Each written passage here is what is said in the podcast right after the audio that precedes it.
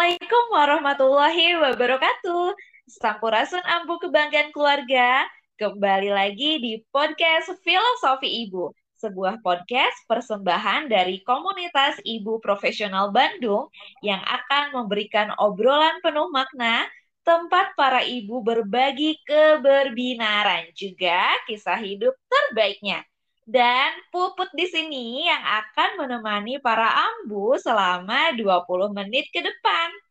Di episode spesial kali ini, kita akan mengangkat sebuah tema yang mungkin sangat relate dengan kehidupan kita yang saat ini berdampingan dengan dunia teknologi juga digital, khususnya sosial media ya.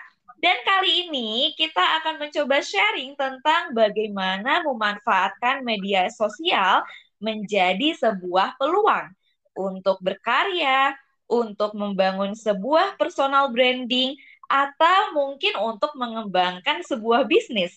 Bagaimana caranya agar setiap konten sosial media yang kita buat dapat memberikan kesan, dapat melekat di benak audiens. Hmm, udah nggak sabar banget pengen ngobrol sama narasumber kita kali ini. Dan di tengah-tengah kita sekarang ini udah hadir Mbak Talita Rahma. Hai Mbak Talita, Assalamualaikum, apa kabar? Waalaikumsalam. Halo Mbak Puput, salam kenal, sampurasun, warga Bandung. Wah, Masya Allah. Makasih Mbak Talita udah berkenan hadir ya eh, hari ini. Mbak Talita dan keluarga gimana kabarnya Mbak? Alhamdulillah sehat. Mbak Puput sendiri gimana kabarnya ini? Alhamdulillah aku pun baik. Aku masih di rumah-rumah aja sih sama Balita. Sama lah ya. Masya Allah, tabarakallah. Semoga Mbak Talita dan keluarga juga selalu sehat ya. Nah, sebelum kita ngobrol yang agak-agak serius nih Mbak, selama puluhan menit ke depan, pengen dong mengenal Mbak Talita dulu lebih dalam lagi ya. Coba Mbak Talita boleh diceritain dulu mungkin saat ini e, berprofesi sebagai apa dan amanah apa yang sedang Mbak Talita jalani di ibu profesional. Hmm, makasih Mbak Puput sebelumnya udah mengundang saya untuk berjumpa dengan teman-teman di Bandung. Masya Allah luar biasa banget ya. Satu penghargaan yang luar biasa buatku sendiri. Uh, perkenalkan nama saya Talita Rahma, bisa panggil saya Lita, Lita ETR atau Mbak Tata. Kenapa Mbak Tata itu nama panggung atau nama terkenal saya di Ibu Profesional Jakarta. Saat ini di Ibu Profesional Jakarta saya menjabat sebagai kepala kampung untuk pe dua periode ke depan ya. Berarti dari periode tahun ini sampai insya Allah 2023 gitu. Gitu Mbak Puput. Sekian uh, di Ibu Profesional. Kalau untuk di luar Ibu Profesional saat ini saya ibu dari tiga orang anak mau menuju empat sebentar lagi. Wah, masya Allah. Uh, apa namanya ya masih lama sih empatnya, cuma sekarang sedang mengandung maksudnya anak keempat gitu. Terus uh, apa saat ini di rumah selain sebagai ibu rumah tangga, saya berperan sebagai freelance untuk menulis mbak gitu di dunia tulis menulis gitu aja. Hmm, oke okay, oke. Okay. Jadi biar lebih akrab, aku panggilnya Mbak Tata ya. Boleh, boleh, boleh banget. Oke, Mbak Tata sekarang udah berapa week nih ngomong-ngomong jadi pengen doain ya kan? uh, jujur belum periksa, kita belum USG karena uh, suami juga Oh, berarti, berarti baru baru kehidupan gitu ya. Uh, jadi ketahuannya sih sebenarnya udah telat sebulan ya maksudnya uh, udah hmm. sebulan terus uh, test pack dari ya minggu kemarin lah gitu dan bergaris dua gitu ya. Ya anggap aja berarti kurang lebih antara di 9 week kali ya 9 week 5 week gituan lah bisa jadi demikian. Masya Allah. Iya iya. Sehat-sehat ya Mbak ya. Iya makasih Mbak Puput Oke, Mbak Tata ngomong-ngomong nih tadi kan katanya sekarang ini lagi sibuk sebagai ibu rumah tangga ya. Tapi nih aku sempat dapat bisikan-bisikan nih Mbak. Katanya Mbak Tata ini pernah bekerja juga di salah satu eh, stasiun TV di Indonesia. Bener nggak tuh Mbak bisikan-bisikannya? Boleh diceritain dikit dong tentang pengalaman Mbak Tata waktu kerja di sana gimana? Uh, sebenarnya kerjaku loncat-loncat Mbak Put. Jadi mm. cuma di televisi doang. Jadi uh, memang aku latar belakang pendidikan adalah lulusan penyiaran ya, broadcasting. Gitu. Mm -mm. Oh iya.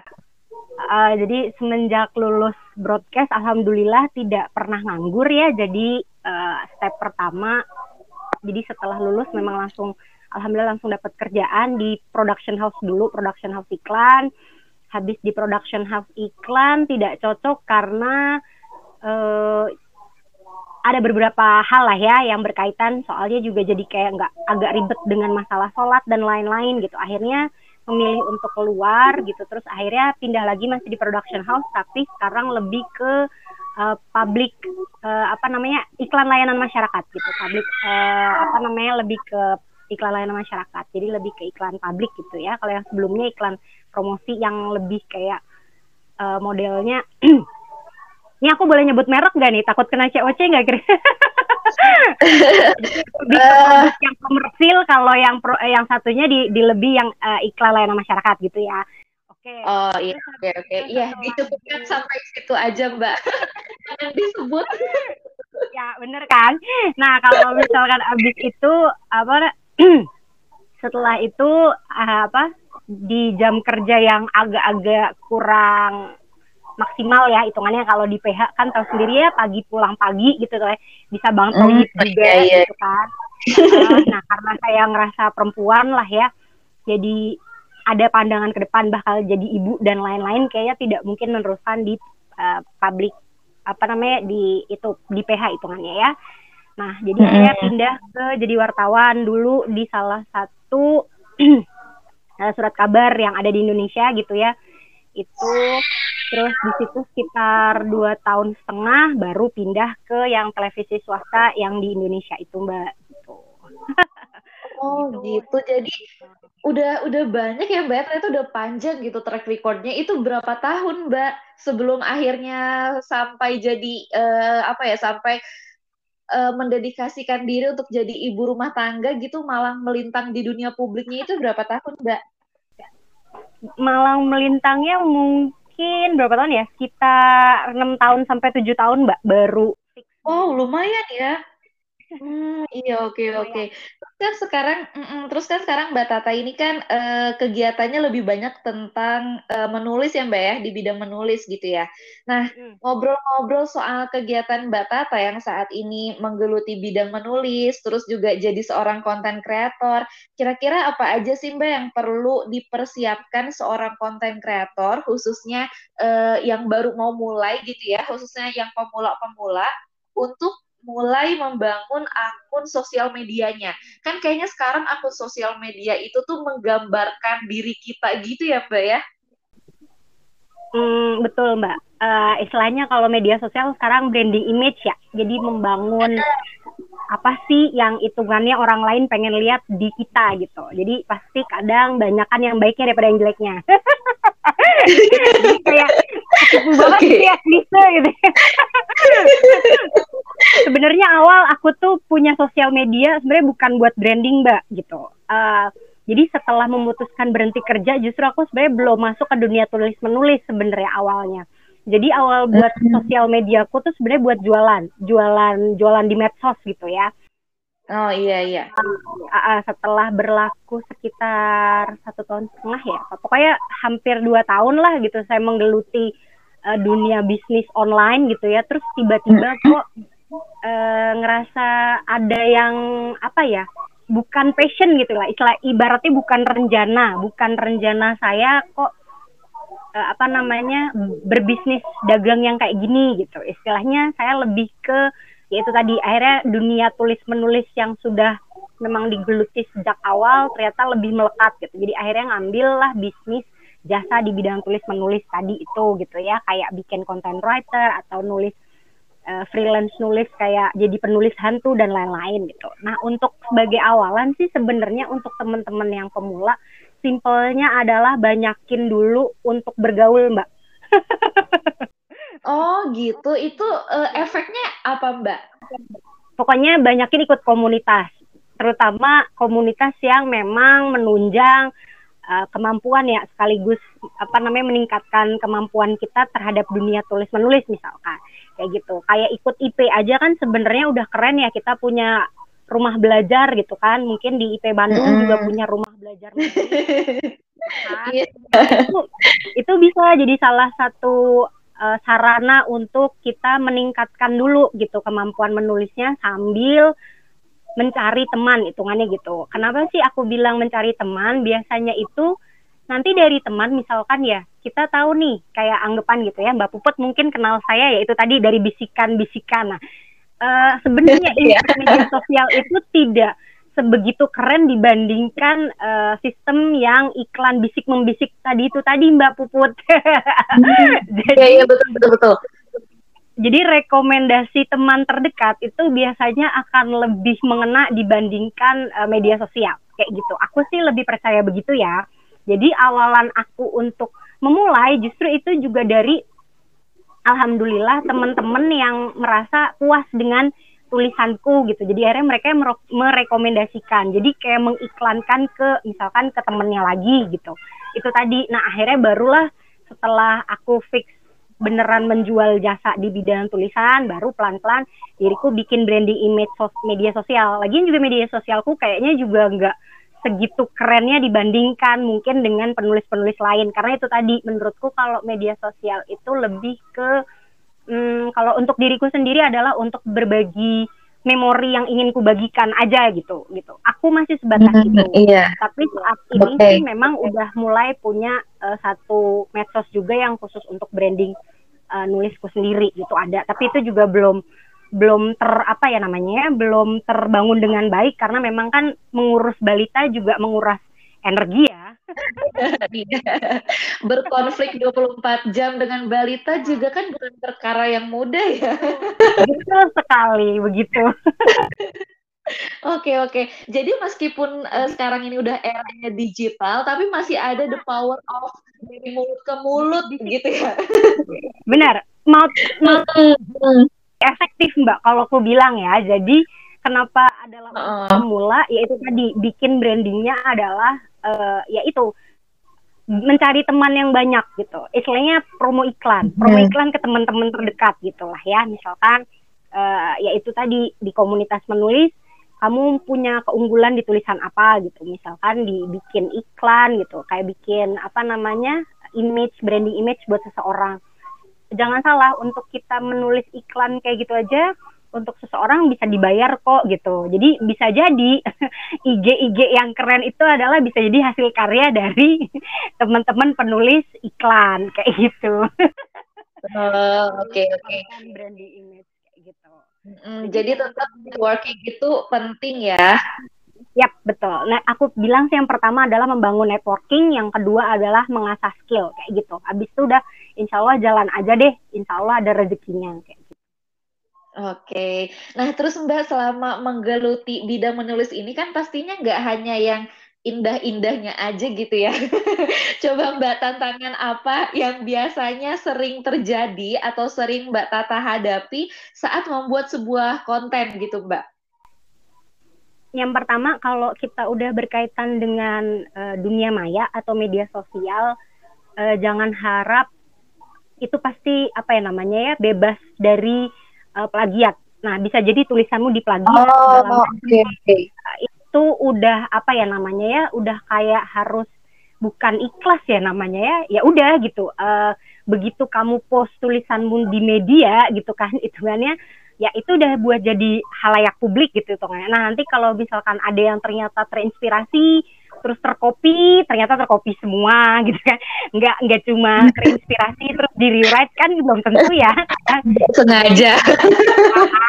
Lah nah kayak gitu-gitu yang harus um, siapkan mental gitu. Kita mau seperti apa gitu. bisa ya kita tegur mungkin secara halus atau ya sudah ikhlaskan. Kan banyak ya kayak gitu. Kalau misalkan ini bisa ditegur gitu. Apakah minta di take down tulisannya gitu. Itu sih yang oh, iya, iya. Gitu.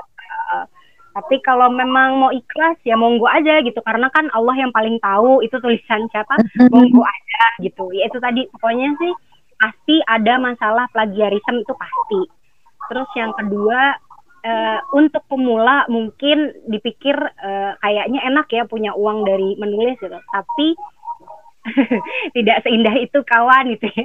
Awal-awal merintis juga awal merintis ya harus bisa dengan mungkin tidak sesuai harapan, mungkin hanya bisa dibayar ya hanya oh sekian ya, padahal kan tulisan menguras tenaga, keringat gitu. Ya nggak masalah gitu. Yaitu eh, apa namanya kerja kerasmu yang sekarang gitu.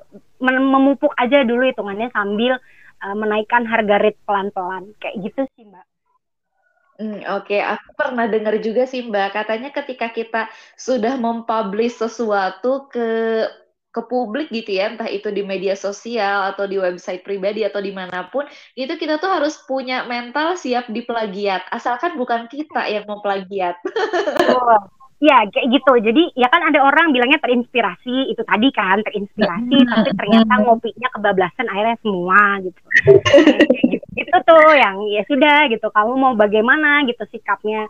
Ya karena memang nggak bisa, mungkin gini memang belum ada yang istilahnya kayak badan hukum yang untuk melindungi beneran sampai detail untuk hal seperti itu gitu. Paling ya minta tegur langsung personal untuk minta diturunkan atau misalkan di situ dikasih uh, apa ya ini merupakan adalah tulisan yang diambil dari ya kayak gitulah misalkan minta izin copyrightnya dari tulisan kita kayak gitu-gitu tipikal yang kayak gitu sih mbak gitu karena memang sekarang kalau mau dipikir ide ide mana pun udah tidak bisa kita bilang original kan pastinya gitu. Karena kita kan pasti uh, nonton atau membaca sesuatu terus akhirnya kan terinspirasi kayak gitu. Paling kan uh, nanti sebenarnya ubahan itulah yang akhirnya membuat orisinil kayak gitu.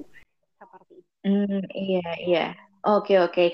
Terus Mbak di dunia menulis ini tuh juga aku tuh sering ya dengar istilah copywriter ya kan, terus content writer. Nah ini mungkin ambu-ambu para pendengar kita juga penasaran gitu banyak yang belum tahu apa sih perbedaannya Mbak antara copywriter dan content writer ini? Hmm, sebenarnya uh, pokok payung besarnya adalah menulis ya semua tulisan pokoknya gini apa pun yang kita lakukan berkegiatan dengan menulis anggap aja itu menulis dulu. Menulis di buku itu menulis gitu ya. Terus penulis juga ya. Nah, itu juga penulis itu menulis surat. Terus abis itu menulis puisi juga itu menulis puisi. Nah bedanya content writer dan copywriter adalah kalau content writer itu lebih ke sesuatu yang bisa kita bagikan hasil dari uh, bagikan hasil dari pemikiran kita. Misalkan itu bisa review produk gitu atau uh, tentang sebuah destinasi wisata atau tentang review film uh, drama Korea kayak gitu gitu. Jadi hitungannya kalau content writer adalah yang berbau sesuatu uh, dari hasil buah pikiran kita, Mbak. Jangan dibilang copywriter juga ya. Nah, kalau copywriter juga hasil buah pikiran kita, tapi lebih ke mengiklankan. Nah, perbedaannya di situ. Kalau di konten iya. writer biasanya uh, bisa jadi itu tidak ada iklan sama sekali, hanya pendapat atau opini itu udah bisa disebut content writer. Tapi kalau misalkan pun ada iklan tipis-tipis di dalamnya, itu juga bisa gitu. Cuma kalau copywriter itu udah full iklan. Tapi dibilang full iklan pun gaya bahasanya bisa macam-macam ya. Ada yang hard selling untuk iklannya, ada yang bisa soft selling kayak gitu-gitu. Jadi tapi kalau udah berbau dengan menggiring sesuatu opini dalam artian you gitu ajakan atau apa itu copywriter. Biasanya kalau di content writer bahasanya sih akan lebih halus gitu, nggak ada kata you-nya biasanya. Biasanya ya hanya cuma tulisan uh, pendapat atau apa gitu. Nanti bawahnya baru uh, ya misalkan ya kalau kalau misalnya diriku buat di situ ada berkaitan nama produk gitu biasanya sih tips apa terus bawahnya uh, aku pernah nyobain si ini loh ini gini gini. Nah itu itu kayak gitu. Biasanya tuh content writer. Tapi kalau misalkan dari awal udah yang uh, aku senang dengan brand brand X ini gitu. Terus abis itu uh, manfaat dari brand X ini beda kan gitu. Nah itu copywriter. Jadi kalau kita sudah full fix mengomongkan suatu produk atau acara itu copywriter, tapi kalau content writer biasanya adalah uh, garis besarnya. Jadi anggapan kita mau ngangkat sebuah produk X gitu, tapi nggak diomongin X-nya gitu. X-nya paling pojok ujung gitu. Nah, awalnya apa gitu, tapi yang berkaitan sama misalkan uh, produknya kesehatan. Nah awalnya bisa tuh tips-tips kesehatan apa segala macam tuh content writer. Tuh biasanya bedanya begitu mbak. Oh iya oke oke Insya Allah paham Mbak uh, makin tercerahkan gitu ya apa sih bedanya copywriter dan content writer gitu. Nah terus Mbak ini kan uh, Mbak Tata ini selain passionnya di bidang menulis tapi juga kan tadi ada amanah di komunitas IP Jakarta ya Mbak ya. Nah ini dari passion Mbak Tata yang senang dengan dunia kepenulisan ini apakah ada hal-hal dari ilmu kepenulisan ini yang Mbak terapkan juga di komunitas IP Jakarta? Untuk saat ini di apa kita di P Jakarta punya empat rambel ya mbak. E, rumah belajarnya ada empat. Nah salah satunya memang ada rambel menulis gitu di IP Jakarta. Alhamdulillah e, rambel menulis IP Jakarta udah sangat produktif dan sangat menginspirasi gitu ya. Jadi beneran bisa partner bekerja saya dalam artian untuk memicu uh, untuk terus bergerak untuk menulis itu itu salah satunya uh, kalau untuk program sendiri memang malah saya lagi nggak fokus untuk ditulis menulis kalau untuk di P Jakarta gitu. Karena pengen saya adalah buat buat lab bahasa malah dalam artian uh, belajar bahasa Inggris saat ini. Jadi kita baru membuat merintis podcast. Alhamdulillah juga udah meluncurkan podcast kemarin versi bahasa Inggris. Jadi belajar bahasa Inggris bareng-bareng buat IP Jakarta. Kayak gitu mbak. Justru malah wow. Inggris, uh, saya lagi pengen diarah ke public speakingnya malah yang mau saya terapkan buat di IP Jakarta kayak gitu. Oh iya, ya keren banget ya, masya Allah. Ini tuh sebenarnya eh, apa ya? Ada banyak ibu juga, ada banyak para ambu juga yang mungkin memang tertarik di bidang menulis, tapi itu kadang uh, semangatnya itu hanya meluap-luap di awal tapi istiqomahnya itu susah gitu loh Mbak. Nah, aku tuh uh, waktu itu sempat dengar gitu ya dari dari Ibu Septi terus dari banyak orang juga bahwa untuk mencapai high energy ending gitu ya, untuk bisa konsisten terus dalam melakukan sesuatu itu kan perlu terus kita ingatkan, perlu terus kita gaungkan strong why-nya kita gitu ya supaya bisa konsisten. Nah, ini kalau uh, Mbak Tata ini apa sih Mbak strong why-nya untuk menjalankan peran sebagai seorang penulis gitu dan apa yang akhirnya dengan tantangan-tantangan yang tadi gitu ya dan apa yang akhirnya membuat Mbak Tata ini bahagia menjalani peran sebagai seorang penulis. Tapi tunggu dulu Mbak, jangan dulu dijawab. Tadi tuh tadi tuh waktu pas pembukaan tadi tuh waktu pas pembukaan aku bilang akan menemani ambu-ambu ini selama 20 menit ke depan. Dan ternyata ini udah lebih 20 menit Mbak Tata. Ya Allah. I, aku nggak pernah merasa 20 menit sesingkat ini Mbak Jadi Maaf mungkin ya. pertanyaan tadi nggak apa-apa Mbak. Aku aku asik banget makanya aku nggak pernah merasa 20 menit ini sesingkat ini gitu loh. Makanya mungkin e, pertanyaan tadi sepertinya akan menjadi pertanyaan pamungkas ya Mbak ya. Apa yang menjadi strong why-nya Mbak Tata untuk menjalani peran sebagai seorang penulis dan apa yang bikin Mbak Tata tuh paling bahagia gitu menjadi seorang penulis? Dijawab boleh nih sekarang. Wow, sekarang. Uh, paling simpelnya adalah mungkin ujung-ujungnya duit mbak gitu. Awalnya kalau aku itu mungkin kalau mungkin buat teman-teman yang lain eh, nggak uh, boleh contoh yang ini ya gitu. Kalau aku sih ujung-ujungnya duit mbak gitu. Karena uh, itu tadi ya karena aku sudah tujuh tahun pernah bekerja dalam artian punya duit sendiri mungkin saat di rumah aku terbiasa untuk yang minimal aku punya uang untuk uh, membahagiakan diriku sendiri gitu ya. Kayak gitu. Nah uh, hitungannya uang-uang kayak gitu yang aku merasa agak berdosa kalau aku minta ke suami gitu. Nah jadinya aku butuh sampingan untuk itu tadi. Kalau aku mau jajan gitu ya eh, minimal 2000 perak lah nggak minta suami kayak gitu. jadi aku mencarinya dari menulis. Nah dari situlah yang akhirnya uh, alhamdulillah sampai detik ini gitu ya penghasilanku menulis ya kadang gitu menutupi uh, misalkan uh, beberapa kebutuhan yang ternyata pas dibutuhkan oh ada rezekinya dari dari tulisanku dan itu yang akhirnya membuatku tidak pernah berhenti untuk menulis kayak gitu mbak jadi lebih mandiri, lebih realistis dan lebih berdaya ya Mbak. Betul, pastinya demikian gitu. Jadi kalau misalnya mau ada bantu-bantu keluarga gitu kan, kan uh, apa ya terkadang pengen lah ya ngasih papa gitu atau ngasih mama gitu kan. Nah tanpa minta minta suami nah itulah hitungannya dari rezekiku sendirian dari menulis kayak gitu. Jadi ya seperti itulah kira-kira. Jadi kenikmatan tersendiri aja ya membahagiakan orang-orang terdekat dari hasil yang tidak seberapa tapi setidaknya itu kerja kerasmu. Itu sih aku kayak gitu. Walaupun memang ujung-ujungnya duit makanya sekali lagi uh, carilah passion passionmu untuk menulis yang berbeda terserah cuma kalau aku itu mohon maaf banget mohon maaf gitu. Kalau aku sih saraninnya jangan itu ya. Maksudnya kalau aku saraninnya jangan itu karena gimana pun kan uh, apa teknisnya ya kadang kan yaitu tadi uh, menulis bisa membawa kita sampai akhirat. Karena tulisan kita insya Allah bermanfaat jadi ladang jariah gitu kan. Hmm. cuma kok kayak normatif gitu kan. Aku nggak mau normatif lah dan nggak mau basa-basi gitu. Jadi aku pengennya ya itu tadi. Ujung-ujungnya duit Oke, luar biasa. Sebenarnya tuh masih pengen banget sih ketawa-ketawa sama Mbak Tata ya, pengen ngobrol ngalor ngidul lagi aja gitu kayaknya sama Mbak Tata. Tapi aku takut disentil Mbak. pastinya, pastinya.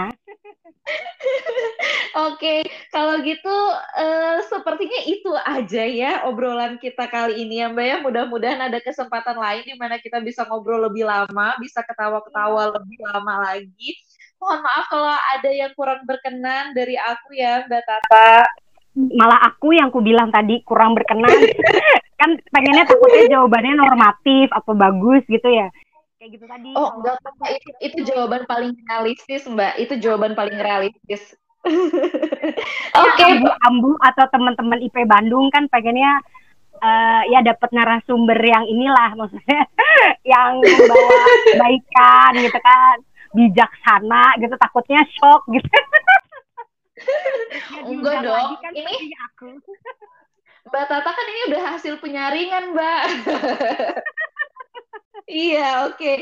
Oke, okay, begitulah podcast kita kali ini yang Masya Allah meriah banget ya. Padahal cuma berdua yang ngobrol. Makasih untuk Mbak Tata yang udah berkenan hadir, ngobrol-ngobrol dan juga sangat menginspirasi, uh, menginspirasi kita hari ini. Kalau gitu Mbak Tata dan aku Puput pamit undur diri ya Ambu ya. Sampai jumpa di podcast Filosofi Ibu episode selanjutnya. Wassalamualaikum warahmatullahi wabarakatuh.